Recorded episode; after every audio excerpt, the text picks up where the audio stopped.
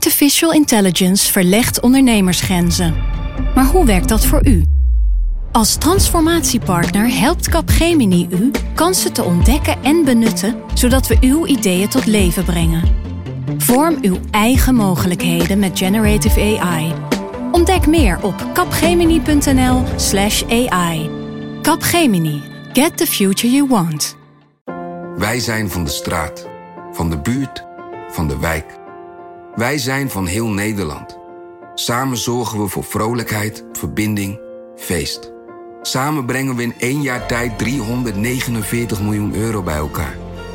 Miljoenen waarmee onze goede doelenpartners de wereld groener, gezonder en rechtvaardiger kunnen maken. Nationale Postcode Loterij. Samen voor een betere wereld.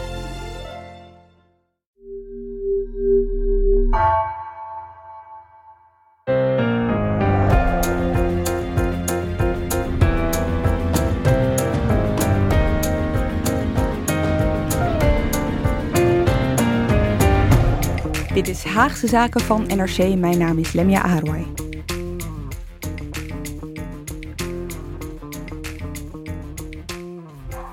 In deze week gaan we het niet hebben over het CDA. Ik uh, ga maar meteen maar even de verwachtingen managen. En dus ook niet over de omzichtnotitie die is uitgelekt. Dat gebeurt allemaal nog as we speak. De ontwikkelingen zijn nog gaande. Dus dat bewaren we voor een volgende keer. In deze Haagse Zaken beantwoorden we dus jullie vragen. Die mochten jullie de afgelopen tijd uh, inzenden. Hebben jullie ook massaal gedaan. Dank daarvoor. Voor mij ligt een uh, stapel papieren met jullie vragen. Naast mij zit Mark Liefs Adriaanse. We gaan samen al die vragen beantwoorden, die we overigens niet allemaal van tevoren hebben ingezien. Maar dat doen we niet alleen. Af en toe gaan we een hulplijn inschakelen om ons te helpen. En de eerste hulplijn zit tegenover mij, Guus Valk. Hallo, hallo. Veel van de vragen die we kregen gaan namelijk over journalistieke afwegingen die we maken. Uh, die gaan over hoe wij werken. En het is best uh, goed om dat met jou erbij uh, te bespreken. Jij bent chef van de politieke redactie. En veel van die vragen gaan over de actualiteit, over Forum voor Democratie en de PVV. En de manier waarop die zich tegenover de pers hebben geplaatst. En een terugkerende vraag die we zagen in al die vragen die binnenkwamen is... Moet je dit soort partijen wel een podium geven als zij, want dat is misschien nog wel even goed om uit te leggen, hè, na de berichtgeving over Dion Graus, waar we vorige week een Haagse Zaken onder andere over hebben gemaakt, tweeten Wilders tuig van de Richel over de pers en Baudet viel hem bij door te zeggen zo is dat. Wat vinden jullie? Het zijn democratisch verkozen volksvertegenwoordigers. Ze vertegenwoordigen ongeveer een kwart van het Nederlands electoraat. Ja, ik vind een podium geven altijd een vreemde term, omdat het impliceert dat je mensen ja, extra in de schijnwerper zet of zo. Alleen het podium ophelpt zonder ze zelf vragen Precies, te en dat denk ik, ik bedoel, het is natuurlijk altijd een kip-en-ei discussie. Zijn deze partijen groot omdat media veel over ze schrijven of schrijven media veel over deze partijen en worden ze daarom groot? Uh, ik denk dat dat voor allebei iets te zeggen valt. Maar het feit dat er in Nederland een onderstroom is van ongeveer 25% van de kiezers die structureel op dit soort partijen stemt, betekent volgens mij dat je A, uh, die kiezerstroom serieus moet nemen en moet begrijpen waar het vandaan komt. En B, dat je verslaat wat dit soort partijen doen in het parlement. Ja, het is wel een interessante casus, omdat de tuig van de Richel uitspraak en de, en de, de stroom aan uh, verontwaardiging daarop volgend, vond ik wel een, een ingewikkelde, in, het, in de context van heel ingewikkeld. Want uh, het was ook een zekere zin afleidingsmanoeuvre van ja. de zaak zelf. Die aan het rol is gebracht door een publicatie in NRC van Wubby Luijendijk en Joep Dome over uh, structurele misstanden aan het Binnenhof. En wat ik wel zag gebeuren was dat het heel erg ging over... Oh, Wilders heeft iets heel ergs over de pers gezegd. Wat vindt de NVJ ervan? Wat vindt die ervan? Wat vindt die ervan? Uh, en daarmee raakt buiten beeld waar het eigenlijk over ging. Uh, dat wou ik ten eerste zeggen. Ik denk dat er twee grote valkuilen zijn... Uh, als het gaat om hoe er bericht wordt in het algemeen over... Forum voor Democratie en de PVV in het bijzonder... Dat is ten eerste dat de ophef, het theatrale ervan heel erg centraal staat. Oh, een uh, zwembad-selfie van Baudet. Oh, een heftige uitspraak van Wilders. Heftig. Gaan we over praten. Dat vind ik problematisch. En het andere problematische is dat je uh, het normaliseert in de zin van... oh ja, Wilders zegt dit, CDA zegt dat, die zegt dat... en uh, zoekt u het verder maar uit, uh, lezer. Ik denk dat het, wat Mark zegt, helemaal terecht is. Hè? Je moet heel erg goed de context laten zien. Laten zien waar bepaalde ideeën vandaan komen. Je moet die wereld ook echt inzichtelijk maken. Ik denk dat dat echt onze taak is. En die twee valkuilen zoveel mogelijk vermijden. Dus wij maken afweging natuurlijk van waar, mm-hmm. waar besteden we veel aandacht aan, waar besteden we helemaal geen aandacht aan, waar een beetje. En voor mij is altijd van belang, leren wij iets over het denken in deze beweging bijvoorbeeld? Over de kiezers daarachter of over het denken van een politicus. Ik vind het heel verdedigbaar om ehm, veel aandacht te besteden aan de denkwereld van Baudet bijvoorbeeld. En ik vind het ook heel verdedigbaar om geen enkele aandacht te besteden aan welke selfie dan ook, aan een zwembad. Dat is een beetje mijn uh, globale richtsnoer. Ja, het dilemma is natuurlijk, daar had ik het voor deze aflevering over met een collega. Die zei, eh, dan zie je afgelopen dinsdag de pers wacht op Wilders om hem te bevragen over zijn tweetje over de tuig van de richel. Dat ging over diezelfde pers, weet je wel. Uh, wat gebeurt er dan eigenlijk? Dan moet je wel van dat soort ophef verslag doen. Daar, daar ging dat over. Ik denk, ja, je kan dat ophef noemen. Maar tegelijkertijd, het is ook de op twee na grootste partij in het parlement. En die doet dan uitspraken over de pers. Wat wij in de democratie toch een, een belangrijk onderdeel vinden van de controlerende. Uh, uh, tenminste, onze controlerende taak speelt daar een rol in. Kun je dat dan afdoen als pers? Want je ziet het in meer reacties van waarom doe je daar nog verslag van? Of waarom zeg je dat nog? Terwijl ik denk, nee, wacht even, er gebeurt hier wel iets. -hmm. Ja, ik vind ook dat je, er, dat je er aandacht aan moet besteden. Maar ik vind wel dat centraal moet staan waar het verhaal ook weer over ging. Ja. Namelijk over structurele intimidatie en machtsmisbruik in de Tweede Kamer. En zolang je dat ook duidelijk maakt aan de lezer, vind ik het ook zo belangrijk zelfs om te laten zien dat iemand een vergaande uitspraak doet over de pers in Nederland. En dan zeg je eigenlijk hoe diegene er gebruik van maakt, dat je dat ook duidt. Ja. ja. Mark? Ja, ik denk dat het, dat het een, een spanning is of een dilemma dat ook Nederland wel overstijgt. En dat je het eigenlijk in de meeste westerse landen de laatste jaren ziet. Hè? Dat journalisten worstelen met de vraag hoe liberaal je moet zijn tegen illiberalisme. Dus hoe versla je politici wiens ideeën op gespannen voet staan met liberale democratie. In dit geval was dat zo omdat dat Wilders journalisten aanviel eigenlijk. En dat kan mensen een legitimering geven of een steun geven of het klimaat scheppen waarin mensen journalisten verder intimideren en bedreigen. Het, de vertwijfeling is denk ik of je daarmee om kan gaan op een manier alsof het een politicus is die een schokkende uitspraak doet. Die ook daarmee uh, zaagt aan de wortel van liberale democratie wellicht. En tegelijkertijd het feit dat het wel een politicus is met een plek in dat systeem. Ik denk dat je dat, je dat dilemma ook zag heel erg rond Trump.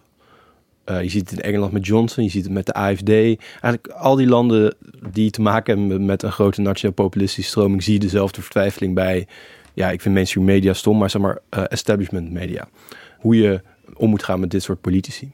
Want, want het is nog goed, als we het hebben over context. In, in het weekend dat Wilders dat tweetje eruit deed, kwam ook dat rapport van Persveilig. Waaruit blijkt dat acht op de tien journalisten in Nederland bedreigd of in ieder geval agressief bejegend worden. Dat is echt ontzettend veel. Ik bedoel, we lopen hier iedere dag langs het plein. Soms zie je het, er wordt steeds vaker opzichtig.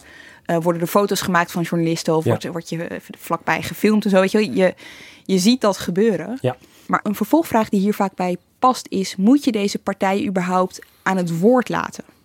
Ja, kijk, ze, ze vertegenwoordigen echt een groot deel van de kiezers in de Kamer. Dus alleen al om het proces in de Tweede Kamer te beschrijven en te begrijpen, ja, ontkom je er al niet aan. Dus moet je weten uh, hoe de verhoudingen liggen, dat er dus ook een grote radicaal-rechtse vleugel is. Als je ja 21 meetelt, de grootste uh, in de recente geschiedenis.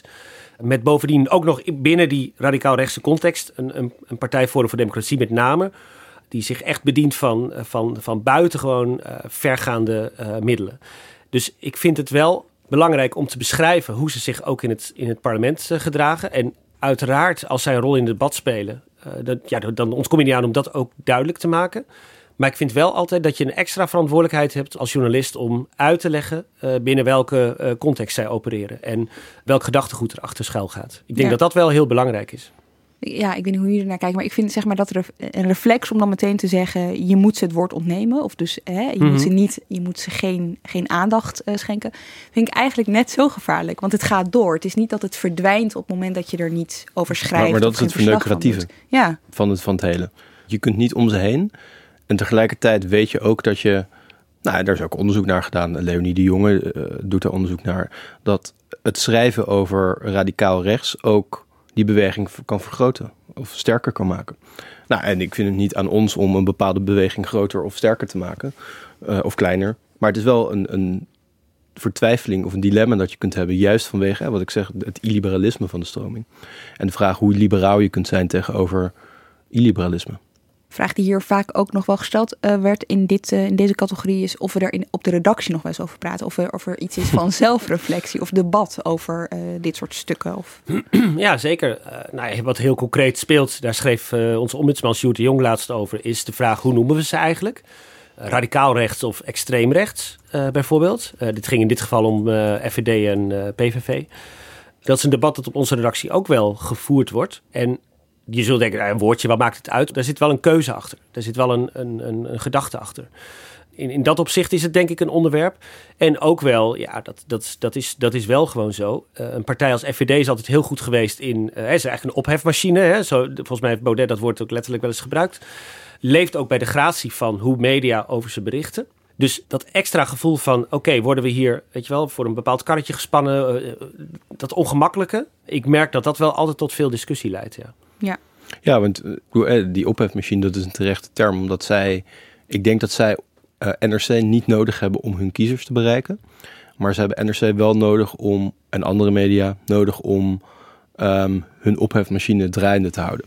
En hun woedemachine draaiende te houden. En hun kiezers, of om zich van ons af te zetten, zeg maar. Uh, en dat maakte denk ik ook het lastige met ja, uh, duik je op het stuk rode vlees dat de arena ingegooid wordt of niet.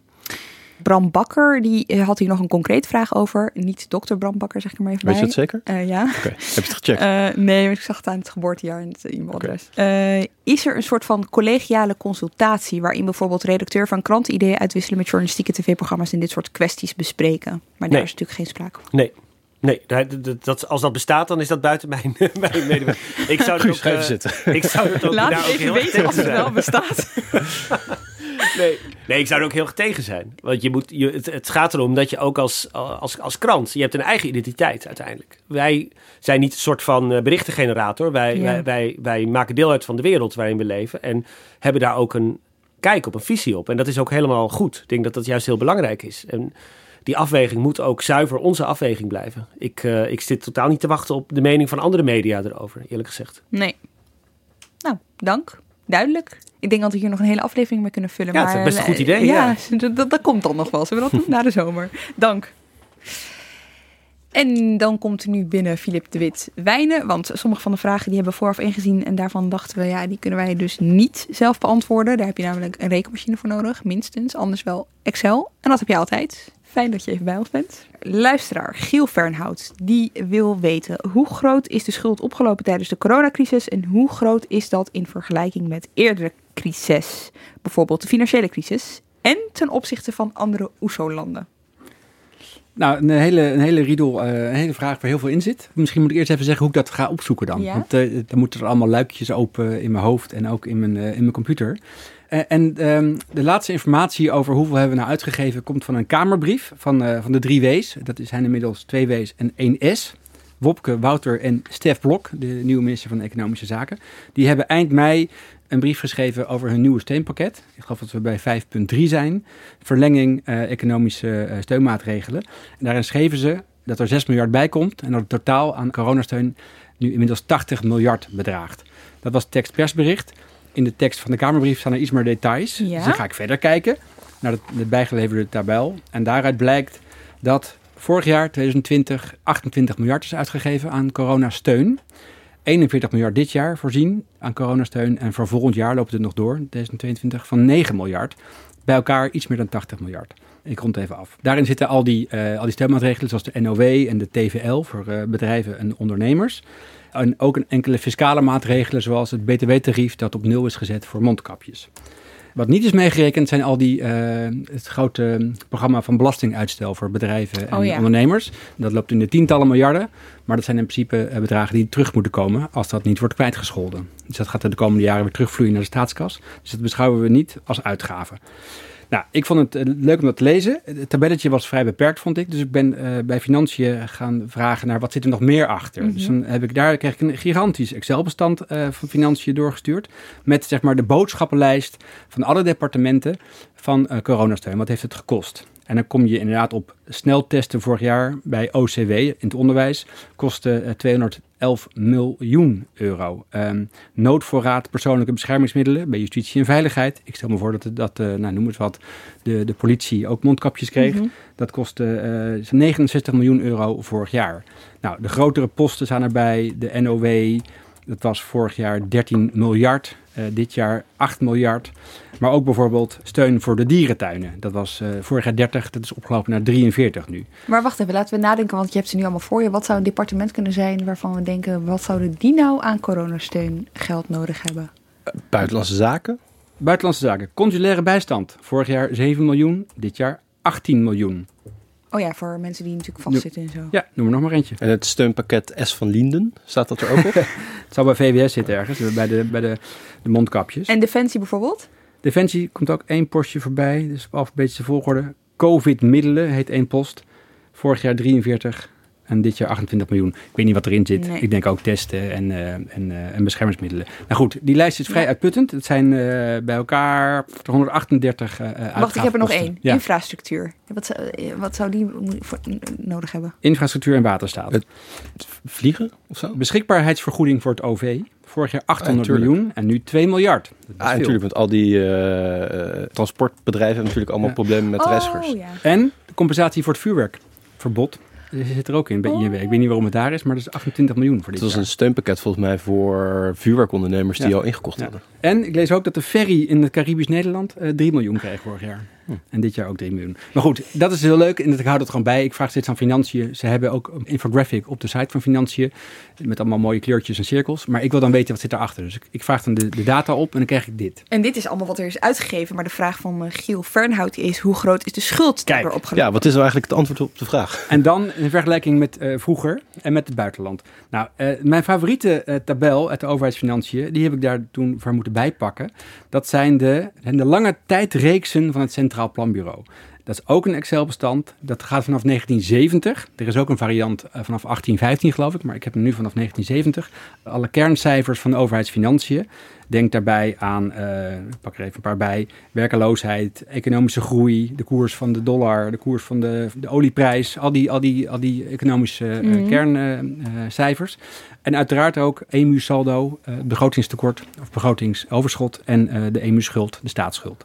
Nou, daar kun je kijken of de extra uitgaven die wij dit voor de coronacrisis hebben uh, moeten aangaan uh, en dat bij de staatsschuld uh, de, de, hebben moeten lenen om de staatsschuld te kunnen verhogen, kun je het vergelijken met hoe dat is gegaan met de financiële crisis ja. vanaf 2007, 2008.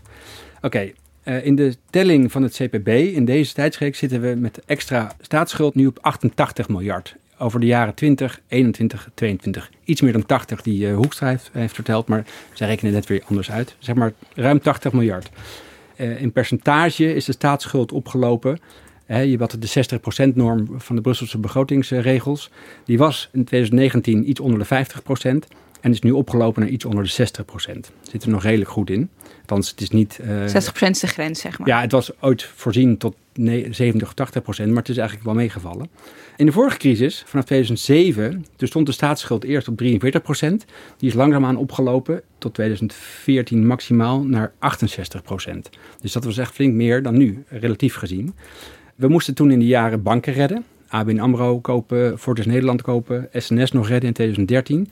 Daar is toen in totaal aan extra staatsschuld. Er zitten ook andere dingen natuurlijk bij, maar laten we zeggen, in die crisisjaren is er 190 miljard uh, extra Zo. staatsschuld opgebouwd. Dus dat is echt flink meer dan, uh, dan de huidige crisis. Uh, dan is er nog een bestand dat die kredietcrisis, die, die daarna erop inzoomt. Dat komt van de Algemene Rekenkamer. Die houden het kredietcrisisbeleid van de overheid bij redding uh, ABN AMRO, redding SNS, uh, maar ook de garanties voor ING bijvoorbeeld. Een gigantisch grote bank- en verzekeringsconcern. Daar ging heel veel geld in, maar we zijn nu um, ruim elf jaar verder. Er is ook weer geld teruggekomen. Hè? ABN AMRO is voor een deel naar de beurs gegaan. Oh ja. ING heeft leningen afbetaald, heeft er rente over moeten betalen. En het saldo daarvan, dat is uh, eigenlijk best nog gunstig ontwikkeld. Er is in totaal 122 miljard uitgegeven aan de uh, 135 miljard uitgegeven aan, uh, aan, de, aan, de crisis, uh, aan het crisisbeleid, bankenreddingen. En er is 122 teruggekomen. Dus het saldo is nog negatief, 13,5 miljard. Maar dat valt eigenlijk nog mee. Er is bij elkaar heel veel meer uitgegeven, maar er is ook best wel teruggekomen. Het is erger geweest. Dat En- is eigenlijk het antwoord op de vraag van Giel. Precies. En het redden van banken had eh, als doel, die moeten we overeind laten, dus er komt weer geld terug uiteindelijk. NOW-steun is ook bedoeld om bedrijven overeind te houden. En die zullen straks weer belasting gaan betalen, dus er komt ook vast nog wel weer wat geld terug. Maar we zitten nu dus zeg maar eh, iets onder die 60% hè, qua staatsschuld. In percentages gemeten. Ja. Doen we dat een beetje goed ten opzichte van andere landen? Ja, dat is het, laatste deel van zijn vraag. eh, en die is heel goed. Eh, daar, moet ik, daar moet ik dan echt even onze eigen krantenstukken erbij pakken. En uiteindelijk kom je dan bij de OESO-tabellen. De, de club van rijke industriële landen. En daar heb ik, ik heb het maar even opgeschreven op een, eh, op een kladje, ik weet niet meer waar. Daarin staat Nederland er redelijk goed op. Even de cijfers van begin dit jaar. Wij zitten iets onder de 60 procent. de Verenigde Staten zitten al op 160 procent inmiddels. 160? Eh, die zit altijd hoog. Spanje Die hebben ook wel 140 procent. triljarden in de economie Precies. gestoken, maar die zitten Amerikaanse staatsschuld altijd Ja. hoog. Nou, de zuidelijke landen in de EU ook. Spanje 140 procent, Frankrijk 140, Italië 180. En dat is heel interessant. Wacht even, Duitsland? Duitsland eh zat die erbij, ook valt ook mee, nu 85 procent. Nou, het, ik bedoel, die, die Zuid-Europese economieën hebben nu een hele hoge staatsschuld. En dat kan politiek interessant worden de komende jaren. Als die landen moeilijker opkrabbelen uit de crisis, dan verzwakt dat de euro. En dan wordt dat in Nederland ook een politieke discussie met eventuele transfers en het verder aangaan van Europese schulden. En Ja. ik zie toch wel wat meningsverschillen daarover tussen de partijen die, eh, ja, ik wilde zeggen onderhandelen. Eh, aftasten is, ook- is het ook nog niet echt. Die voorzichtige eerste stappen maken, Ja. verkennende gesprekken voeren om te kijken of we met elkaar kunnen onderhandelen. Eh, maar goed, deze vraag is interessant en Ja. relevant. Het blijft nog even zo, want die, eh, de crisis, de gezondheidscrisis lijkt een beetje aan het einde, maar de economische crisis zal nog even duren. Maar deze informatie is gewoon goed te vinden op de sites van de overheid. Eh, Even een pleidooi of een reclame voor de overheid. Die tabel op de, op de site van Financiën is geweldig met die uitgaven van het eh, crisisbeleid. En eh, de rekenkamer is er een beetje mee gestopt, maar die had geweldige informatie over die kredietcrisis. De postbus 81 van Philip de Witwijn. Ja, ja, maar eh, we mogen ook jou. zeggen, ik vraag af en toe die gegevens op.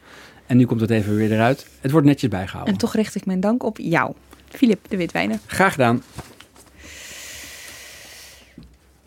Oké, Mark, nu zijn we op elkaar aangewezen.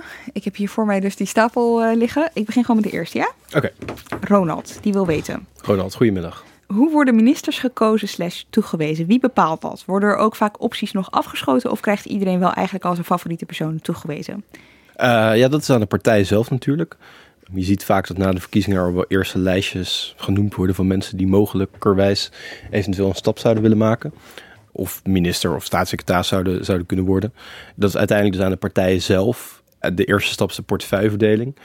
Ehm, Dat is ook altijd een heel ritueel, hè? want financiën is erg gewild. ja, er zijn een aantal zaken. gewilde ministeries. Nou, als je die dan hebt als partij, dan weet je ook wie je daarin kan zetten. Eventueel als vicepremier. Eh Samson haalde in 2012 Lodewijk Asscher uit Amsterdam als vicepremier naar Den Haag. En dat was voor de verkiezingen was er al over gesproken. Mocht Ronald hier heel veel over willen weten, dan kan ik hem aanraden om het dagboek van een onderhandelaar te lezen van Ed van Tijn. Omdat de formatie van 77 ging heel lang over de verdeling van ministersposten en de vraag hoeveel ministers PvdA en CDA zouden krijgen. Het ging toen over 772, over eh 763. Ehm, Dit gaat niet om voetbalopstellingen. Nee, want dan zou je wel heel veel spelers op het veld hebben. Anders maar dat, dat is heel grappig. Ik bedoel, er zitten hele grappige dingen in dat het partijcongres op een gegeven moment van de PvdA in 1977 763 volgens mij scandeerde op het moment dat er een CDA de zaal binnenkwam. Maar daarin lees je ook zeg maar, het hele kwartetten Ja. en puzzelen van als wij dat ministerie krijgen, dan willen we die daar op die post hebben. En wil die andere partij dan wel die? En als ze dat niet willen, gaan we dat dan blokkeren? Of hebben we een andere kandidaat? Het is heel onderzichtig. Ja, het is heel onderzichtig en ze zeggen altijd dat ze het pas op het allerlaatste Ja, moment doen. Dat is dus niet zo. Nee. Wat ik ook wel heel fascinerend vind, is dat ik in gesprekken nu ook wel merk dat partijen aan het nadenken zijn. Wat zijn ministeries waar eventueel nog lijken in de kast eh, kunnen zitten? En wat zijn veilige ministeries? Wat zijn ministeries waar je straks kan shinen? Ik bedoel, als je kijkt naar sociale zaken en werkgelegenheid, dat is een ministerie waarvan iedereen zegt, ja, over de arbeidsmarkt, de meeste partijen zijn het er wel over eens dat er iets moet gebeuren met borstlap. Dus de minister die daar komt te zitten, die kan wel betekenisvolle stappen gaan zetten in arbeidsmarkthervormingen. Dus zou je daar wel willen zitten. Ik weet niet of dat een hele gezonde houding is om een eh, kabinet mee te verdelen, eerlijk gezegd. Met de vraag wie zich het meest kan profileren op veilige dossiers. Hoe daar hebben die mensen toch niet voor gekozen, of wel? Eh, ministers kies je natuurlijk niet. Nee, maar die- partijen die... Maar goed, dat, dat de VVD heel lang op eh, justitie wilde zitten, heeft natuurlijk ook alles te maken met, eh, met profileren. Ja, Ja. dat zijn, ja, goed. Je kan op een ministerie meerdere mensen neerzetten. De VVD heeft dat in 2017 slim gedaan. Door, het was duidelijk dat zij na de succesvolle periodes van Art van der Steur en Ivo Opstelt en Fred Teven niet opnieuw de minister zouden krijgen van Justitie en Veiligheid. Maar toen hebben ze wel een extra minister naast gezet voor rechtsbescherming, die eigenlijk alle VVD-thema's kon doen. Harder straffen, taakstrafverbod, et cetera, et cetera. Nou, en daar heeft Sander Dekker zich de afgelopen jaren heel sterk op geprofileerd. Dus je kan altijd nog op de tekentafel aan het einde van de formatie ja, mensen erbij of posten erbij tekenen. Inmiddels vindt eh, de VVD overigens wel ook dat de rechtsbijstand versterkt moet worden. Ja. Dus dat is dan wel weer een resultaat aan het einde van hard optreden. Oh, daar gaat de kamerbel. Dat geeft ons eh, de mogelijkheid om naar de tweede vraag te gaan. Ik heb ze een beetje door elkaar Het is een beetje loodjes trekken zo. Ja, het is best spannend ook. Oh, Nic- Nicolette vraagt: waarom duurt het zo lang? Ja, ik weet niet of het lang duurt. Eh, ik weet niet of dat gaat over deze uitzending, oh. of over de formatie, of over. eh, Ja, kijk, het, het, het, bo- de, de botsen twee dingen, denk ik. Dus enerzijds zie je de wil om er snel uit te komen, want het is crisis, het land moet bestuurd worden, enzovoort, enzovoort. Anderzijds, ehm, er liggen onwijs veel dossiers op tafel. Eigenlijk heel Nederland ligt op de tekentafel straks. Dus je, je kan van woningbouw tot fiscale herzieningen tot onderwijs liggen enorme problemen. En de vraag is of je daar heel snel doorheen moet gaan op, tijdens een formatie of niet. Of dat je de tijd moet nemen om daar verstandig beleid op te gaan voeren of zo. Nee, de, Dus- de, de partijen stralen heel erg uit hè, dat het belangrijk is dat ze snel, eh, dat ze snel Ja. formeren. Vooruit Drie maanden na de is, verkiezingen. eh, is eh, de gevleugelde uitspraak van Wok Hoekstra bijvoorbeeld. Maar tegelijkertijd hoor je binnenkamers ook wel van natuurlijk moeten we dat uitstralen. Want mensen hebben het gevoel van, we- nou ja, het is niet alleen een gevoel, we zitten in een crisis. Dus we moeten doorpakken. Tegelijkertijd loopt er al heel veel door en zijn er al een heleboel Ja. akkoorden. De werkgevers en de werknemers zijn laatst, hè, hebben zelf al een akkoord gesloten, best vergaand over die flexwerkers. En het minimumloon daarvoor, eh, er is een eh, klimaatakkoord, er is een stikstofakkoord gesloten met behulp van de SP. Dus er loopt al best wel veel. Dus je kan je afvragen, Ja. is het wat dat betreft echt nodig dat er heel snel geformeerd wordt? Ja, nou ja, ehm, kijk, als je, als je die hervormingen van bijvoorbeeld het, het eh, sociaal akkoord wilt doorvoeren, daar zit wel gewoon een einddatum in, wil je dat voor volgend jaar bijvoorbeeld dat doen. En fiscale hervormingen, het belastingplan gaat op een gegeven moment gewoon naar de Kamer. Dus je hebt wel een soort einddatum en dan kan 2021 een verloren jaar zijn. Ik weet niet of, ja, of snelheid per se een, een deugd is in deze. Maar... Oké, tot zover. Dan gaan wij eh, door naar eh, wat ze bedoelen. Ja, nog een vraag, nog een vraag. Oké, nog een vraag. Prima. Blind pakken. Lievelingsmeme over de formatie. Succes met dat beschrijven in de podcast. Lievelingsmeme. Oké, ik weet er één. Je pest mij altijd met memes over roodharigen. Maar- Ja, dat klopt. Dat, dat, Dat daar vraagt jouw haar gewoon om. Het is niet eens echt een meme, maar als je er een stukje uitpakt, wordt het een meme. En dat is die foto van Freek van den Berg, van de Volkskrant fotograaf, freelancer.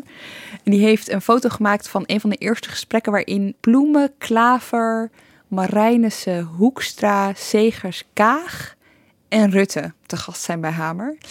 En ze zijn allemaal in tweetallen in gesprek. Ah, Dus Ja. Marijnissen praat met Hoekstra. Klaver is eh, heel indringend in gesprek met Ploemen. Segers praat met Kaag. En in een hoekje zit Rutte met een beetje Ja. een blik van...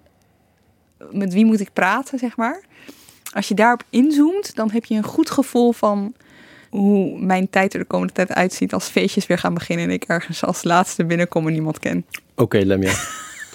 ik vind die eh, gewoon van eh, Lucky TV heel grappig. Dat is niet echt een meme, maar steeds als ik Hoekstra zie, dan zegt een stem in mijn hoofd, hé, hey, Woppert. Of Ezercan. Feyenoord heeft een speler die heet Azarkan. En vrienden noemen hem nu altijd Ezercan. Oké, ik wil toch nog eventjes benoemen dat dit geen memes zijn. Dus zeg maar wie Ah, Van- misschien zijn wij te oud om Wie memes te van een begrijpen. generatie na ons is, die is wellicht een beetje teleurgesteld. Maar die kan ik overigens wel aanraden om Paul Peters op Twitter te volgen. Die heeft echt, ik weet niet hoe die het doet, maar die maakt ongeveer van iedere, ja, iedere politicus is wel, is wel een keer ongeveer aan de beurt geweest. Maar die, die weet ook altijd beelden te vinden van politici. Bijvoorbeeld Hugo de Jonge met twee blokfluiten in zijn mond. Ken je die? Huh? Ja. Ik zal hem nog wel even vragen die te twitteren. Dan, eh, als je dat nu hoort, dan kun je er naar kijken. Oké, even kijken. Simone de Lange en Matze Akkerman, die vragen los van elkaar overigens. Waar is Khadija Ariep Ja. als Kamervoorzitter? Gaan we haar nog terugzien in de Kamer? En zo ja, wat gaat ze doen? Zij is, om het in EK-termen te zeggen, heel belangrijk in de kleedkamer. eh, voor de PvdA. Dus zij is binnen de fractie nog wel belangrijk. Zij helpt volgens mij uh, ja, ook de jonge Kamerleden. Hebben ze een aantal nieuwe Kamerleden erbij. Die helpt ze een beetje op weg.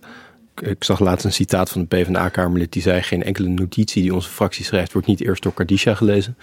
Dus zij heeft een soort van seniorrol in een hele kleine fractie. Ze zijn natuurlijk nog steeds met negen. Maar goed, voor de PvdA is het wel prettig dat zij na jarenlang Kamervoorzitterschap weer gewoon inzetbaar is in de fractie. Maar geen portefeuille dus? Nee, ze zijn er bij de PvdA natuurlijk allemaal van uitgegaan dat zij Kamervoorzitter zou worden. Dus ze hadden de portefeuilles ook al verdeeld. En ik begrijp dat in de zomer ze gaan kijken naar uh, eventuele portefeuilles of zo. Maar het zal best gek zijn, denk ik, om haar ineens tijdens een AO, muskusrattenbestrijding, uh, te zien zitten. Uh, en dan ja ja, gewoon als normaal Kamerlid in plaats van als uh, Kamervoorzitter. Ja, zij, uh, zij heeft natuurlijk als Kamervoorzitter zo vaak ja. vooraf vertrekkende Kamerleden uh, best wel vermanend toegesproken dat het niet ja. goed is om eerder weg te gaan. Dus het lijkt mij redelijk onmogelijk voor haar om ergens burgemeester te worden of zo. Ja, en het gekke is dat Khadija Ariep ook voordat ze Kamervoorzitter werd, volgens mij niet eens heel actief was in portefeuilles, als ik me goed herinner. Oh. Dus dat wordt binnen de PvdA best interessant. Want ze hebben natuurlijk een kleine fractie. Ze zijn met z'n negenen. Nou, ze hebben nu acht Kamerleden met een portefeuille. Waarvan er twee Nijboer en Bloemen druk met de formatie. Dus ik kan me voorstellen dat ze bij de PvdA ook wel gewoon graag willen dat zij, zoals de andere acht, een forse portefeuille gaat krijgen. Ja, dat gaan we zien, hoe dat gaat uitpakken uiteindelijk.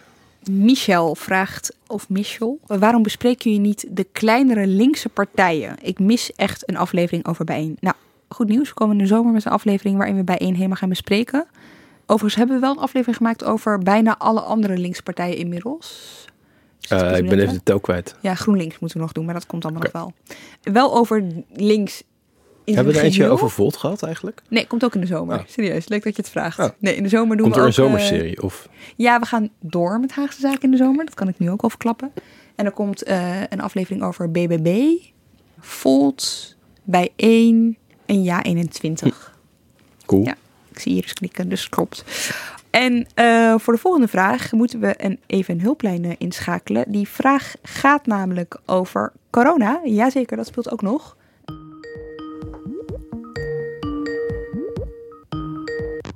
Rick Rutte. Hey, hoi Lenia. Hey Rick. Ja, uh, wij bellen even voor een luisteraarsvraag via Instagram binnengekomen en die luidt... Hoe gaan politici om met corona-ontkenners in de Tweede Kamer? Collegiaal of is er vijandigheid? Nou, dat, uh, dat ligt wel moeilijk. Dat hebben we de afgelopen weken denk ik ook wel kunnen zien. Volgens mij, als we het hebben over corona-ontkenners in de Kamer, dan hebben we het vooral over uh, één partij in het bijzonder. Daarom bel ik jou. en dat zijn de, de leden, het waren er acht en nu nog vijf van Forum voor Democratie. Tenminste, dat, dat zeg ik, maar de, de afsplitsers die, uh, die waren natuurlijk ook al van Hagen en consorten zitten nu zelf in de Kamer, dat waren natuurlijk ook altijd al corona-sceptici. Um, het interessante volgens mij is dat, uh, dat Forum altijd al een, een, radicale partij in de Kamer is geweest. En dus voortdurend botst in het debat met andere Kamerleden. Alleen bij corona ligt het toch net iets anders. Want daar gaat het ineens om, uh, ja, om gezondheid. En om leven en dood, om het zo te zeggen. Dus je kunt een heel heftig debat hebben over uh, klimaat, over windmolens, over de energietransitie, over immigratie. Maar dat is toch altijd een beetje abstract. Dat gaat over politiek, maar dat gaat niet over wat er in de Kamer zelf gebeurt. Maar bij corona zie je dat zeker de laatste maanden uh, dat Forum ook meer en meer de, de Kamerregels aan de laars slapt. De anderhalve meter regel, geen mondkapjes draagt. En ineens gaat het niet meer alleen om politieke verschillen, maar zie je dat, uh, dat er vuilnigheid ontstaat. Want die andere Kamerleden die voelen zich echt die voelen zich bedreigd. Die zien echt hun gezondheid in gevaar komen. En hoe zie je dat gebeuren, die vijandigheid? Nou, ik heb een aantal Kamerleden gesproken die, die zeiden dat ze het idee hadden dat, dat FVD-politici wel heel dicht in de buurt kwamen, misschien bewust aan het provoceren waren. Een tijdje geleden in een debat uh, raakte Thierry Baudet eerst een bode aan in de Kamer. En vervolgens, toen daar wat tumult rond ontstond, gaf hij ook nog een schouderklopje aan Jan Paternotte van D66. Dat zorgt voor een hoop uh, onmin, want uh, het is één ding om andere standpunten te hebben, was een beetje het idee. Maar het is nog heel wat anders om echt elkaar in gevaar te brengen. En daar was echt ergernis over. Dat was zelfs een van de meest explosieve momenten voordat Van Haga en Baudet uit elkaar gingen. En je zag daar echt dat die, dat die houding, een soort nieuw soort vrevel bij de andere partijen. Ja, het ik zat toen in de zaal en dit was de dag voordat uh, Van Haga uit, uh, uit FVD stapte. Uh, de avond ervoor. En wat mij toen opviel was dat Bergkamp, de Kamervoorzitter, eigenlijk niet goed wist wat ze ermee moest doen. Dus zij zag, Baudet die was extreem energiek, rende die door de Kamer en hij gaf Paternotte een schouderklop. En uh, vervolgens, uh, na de inbreng van Van Haga, uh, schudden ze elkaar ook heel triomfantelijk de hand. En Bergkamp zag dat en ja, keken daarna weer naar het debat. En toen kreeg ze een briefje van de griffier. En daarop riep zij Van Haga bij zich. Als een soort van de redelijke FVD'er die als een makelaar tussen Bergkamp en uh, Baudet in moest communiceren. Als een soort onderhandelaar. Nou, en toen daarna liep, heel die, die fractie, of zwaar met z'n drieën toen, liep uh, triomfantelijk weg uit de plenaire zaal, zonder mondkapjes inderdaad.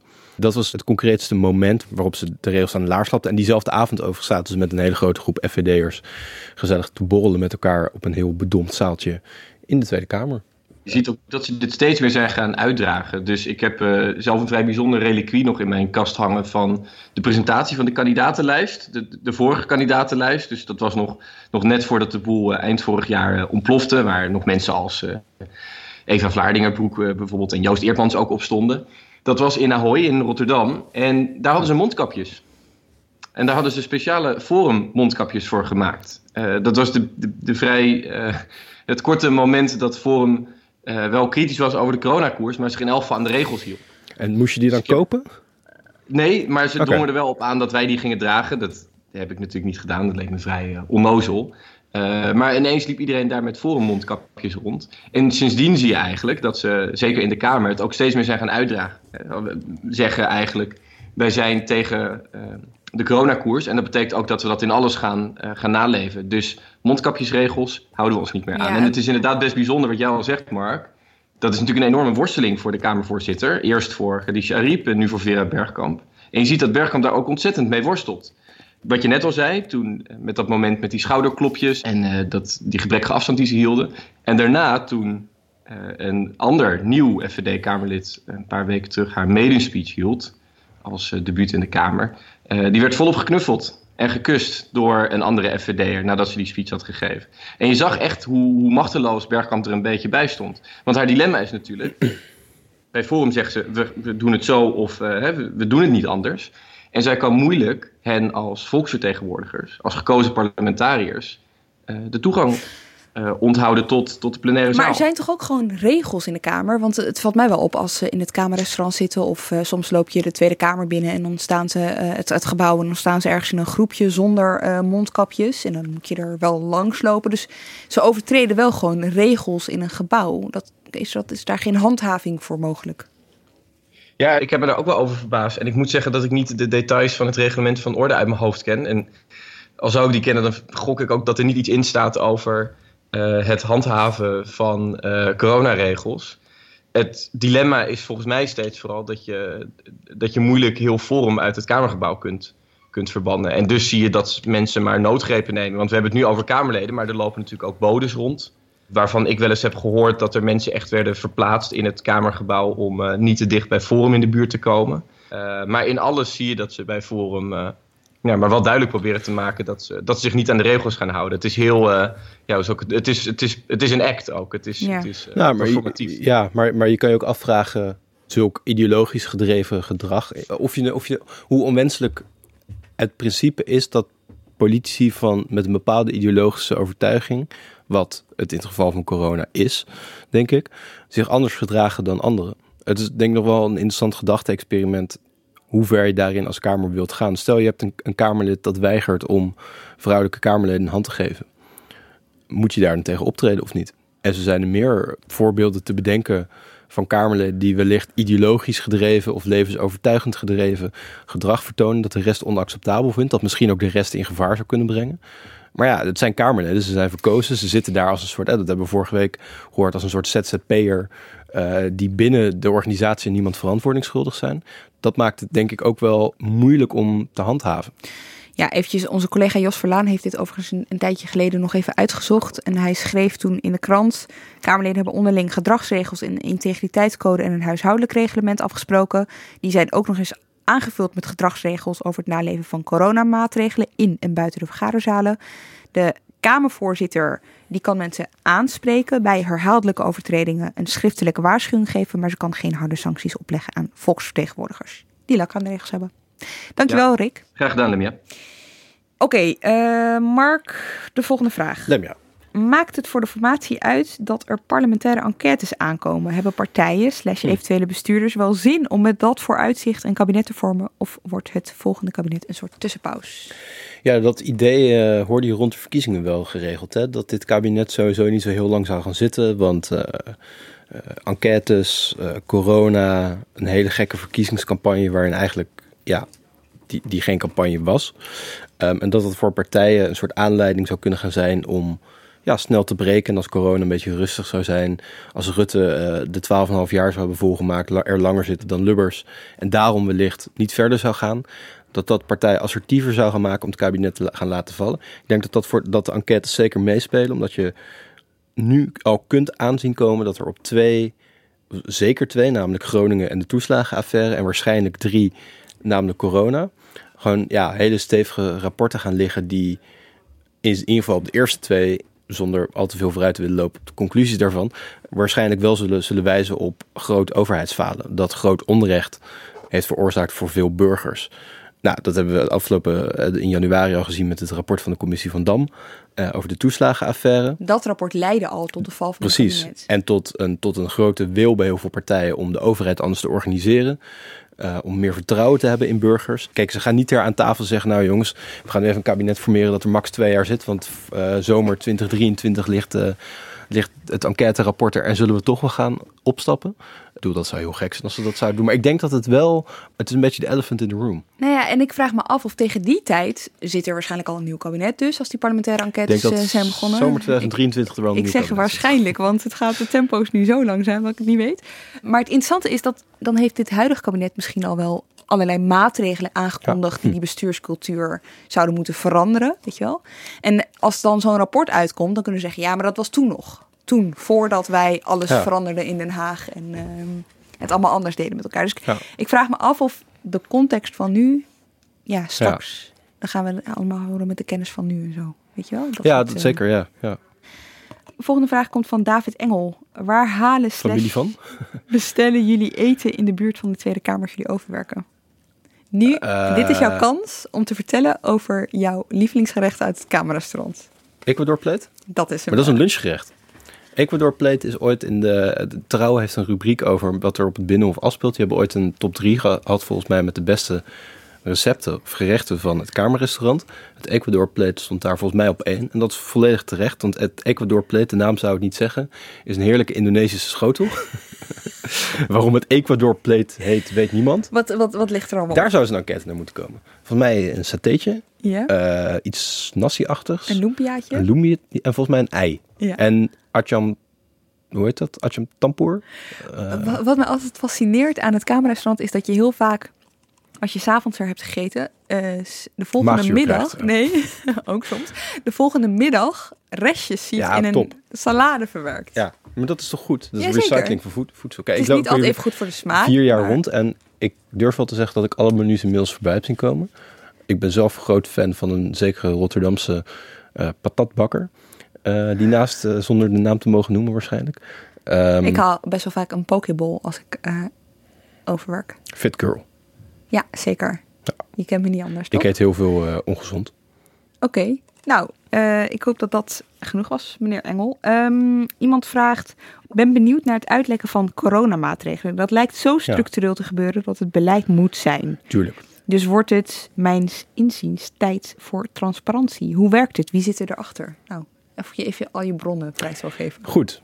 Eh, nee, ja, eh, 100% is het eh voor opgezet. Of wordt er in ieder geval oogluikend toegestaan dat bepaalde mensen dit doen. Want als eh, Rutte dit niet zou willen, dan zouden die mensen al wel disciplinair gestraft zijn. Of zou, ik kan eh, toch?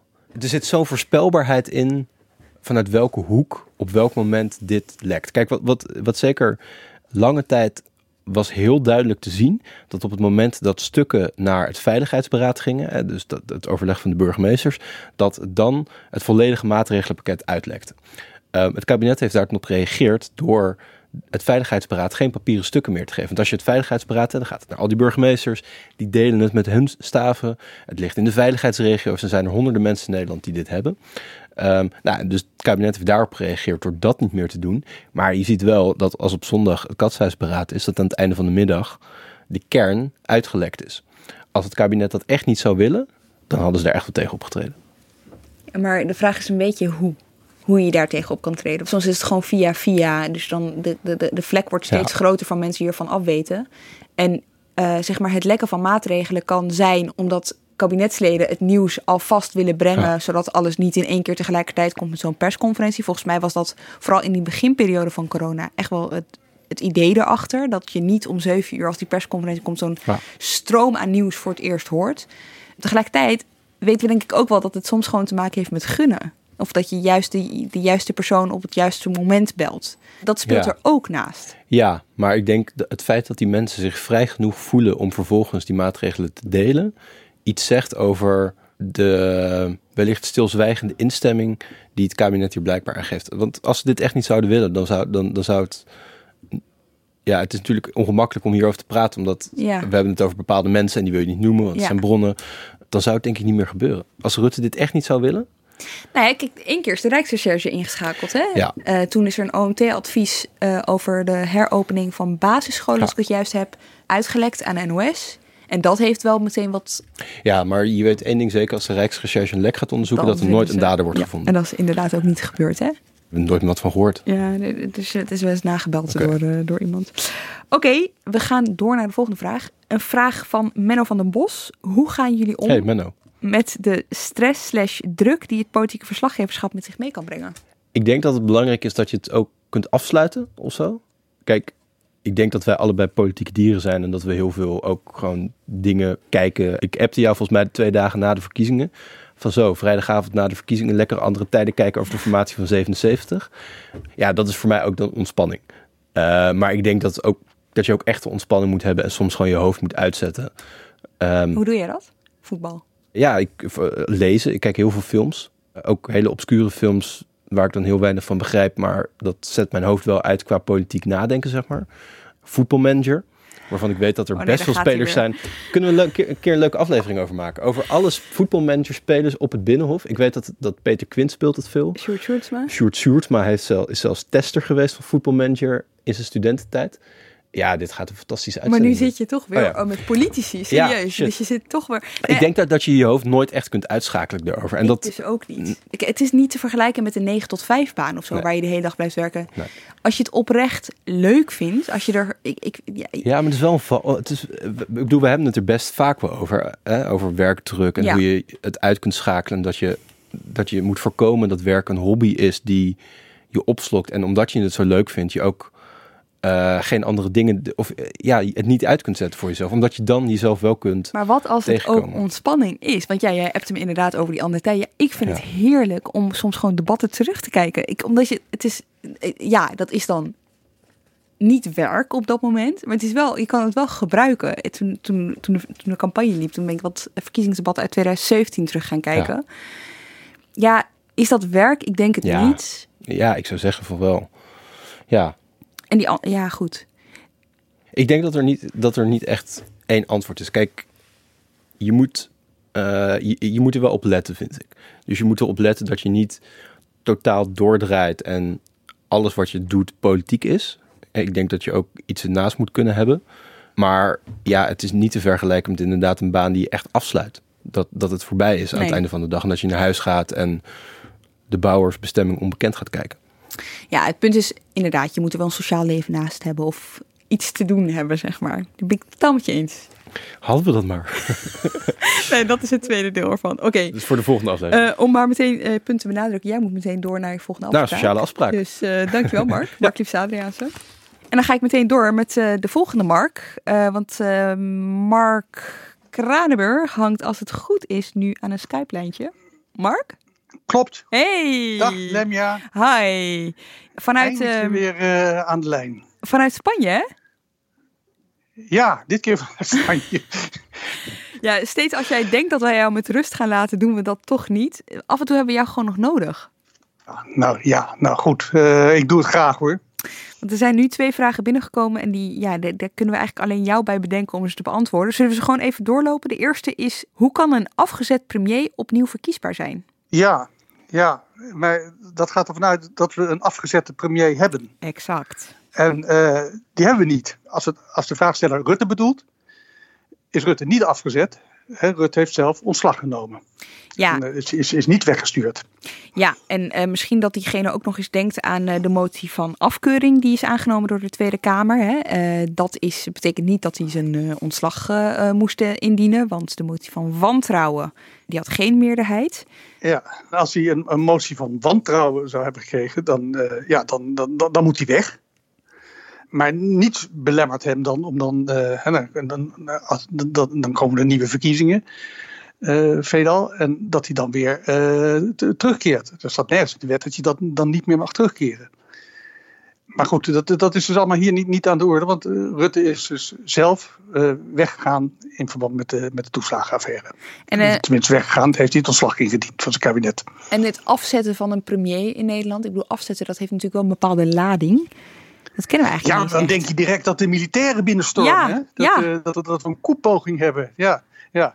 Dus ik moest daar ook lang over nadenken. Maar uh, je hebt wel iets gehad. Dan moeten we naar 1940 terug.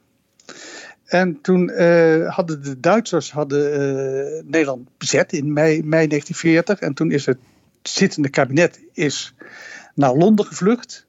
En de premier was toen Dirk Jan de Geer.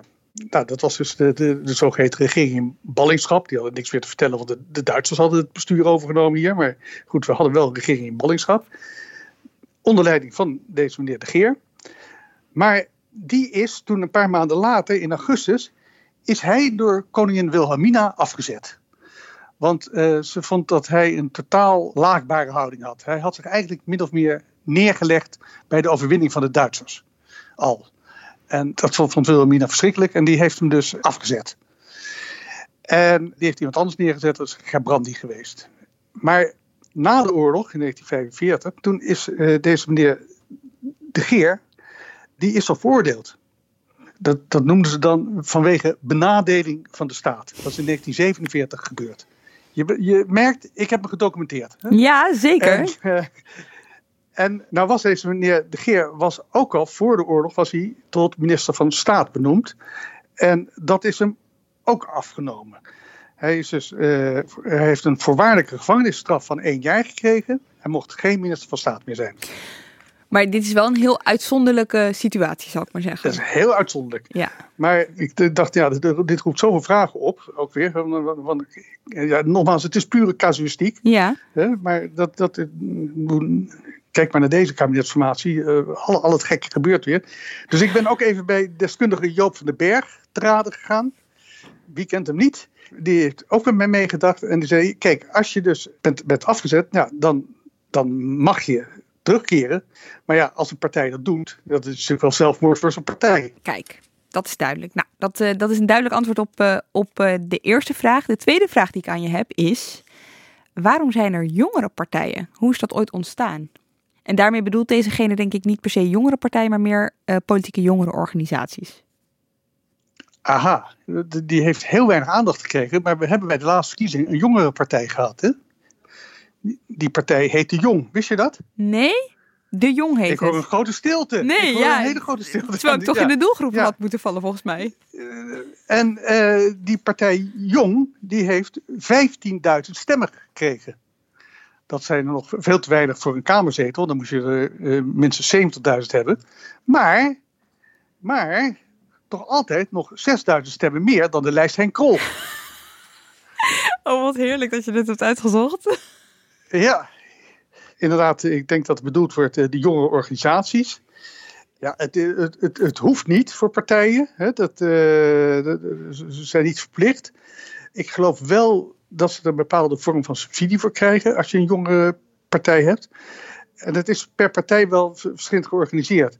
Het is tegenwoordig wat minder, maar vroeger was het zo als je de JOVD, dat, dat is de, partij waar uh, de jonge organisatie van de VVD, uh, waar uh, ook Mark Rutte ooit voorzitter van geweest is, Hans Wiegel trouwens ook. Als je dan zei dat is de jongere afdeling van de VVD, dan werden ze altijd heel boos. Want we, nee, want ze stonden echt wel los van, van de VVD. Nou ja, eigenlijk dus niet. Maar uh, en dat zie je ook hoe, hoe, de, hoe de personele unies zijn gelopen daarna. Ze zijn allemaal hoog in de VVD gekomen. En het is eigenlijk een soort kweekvijver. Hè? Dat, dat ze daar onderling leren debatteren het is wel interessant dat je het zegt uh, over de JOVD. Ik was laatst bij een digitaal uh, ALV, Algemeen Ledenvergadering van de VVD. En daar mocht uh, Hilde Wendel, dat is dan nu de voorzitter van de JOVD, ook een praatje houden. En die maakte hier heel erg een punt van. van er, zijn, er zijn VVD'ers die vinden dat de JOVD te vocaal is of zich te veel afzet tegen de VVD. En zij betoogde van dat is juist onze rol. En vergeet niet dat het Mark Rutte was die ooit deze rol ook op zich had genomen. Dus je ziet soms ook wel dat ze als lastig worden ervaren? Ja, maar ja, ze, ze hebben, ze hebben een horizonfunctie.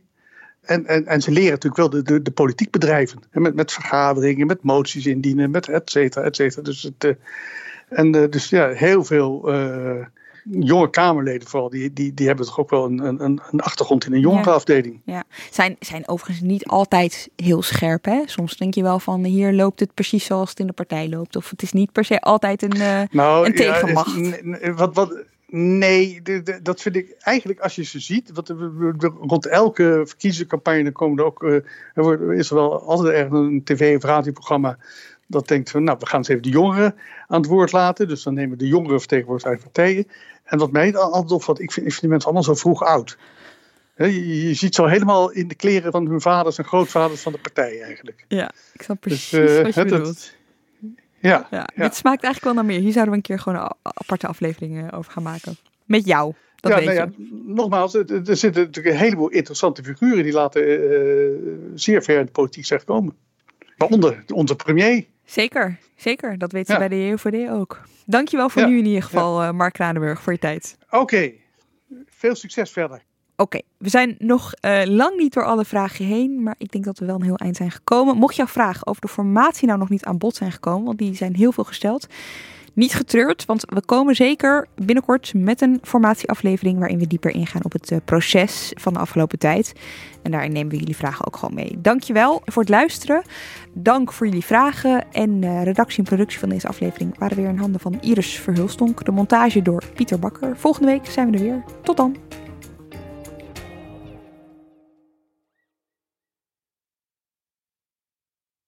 Je hebt aardig wat vermogen opgebouwd. En daar zit je dan, met je ton op de bank. Wel een beetje saai, hè? Wil jij, als belegger, onderdeel zijn van het verleden of van de toekomst? Bridgefund is een slimme fintech die een brug slaat tussen de financiële behoeften van ondernemers en van beleggers. Dus wie belegt bij Bridgefund krijgt niet alleen een mooie vaste rente, maar brengt ook ondernemers in beweging. Echt waar, met die ton kan je zoveel betere dingen doen. Bridgefund. Make money smile.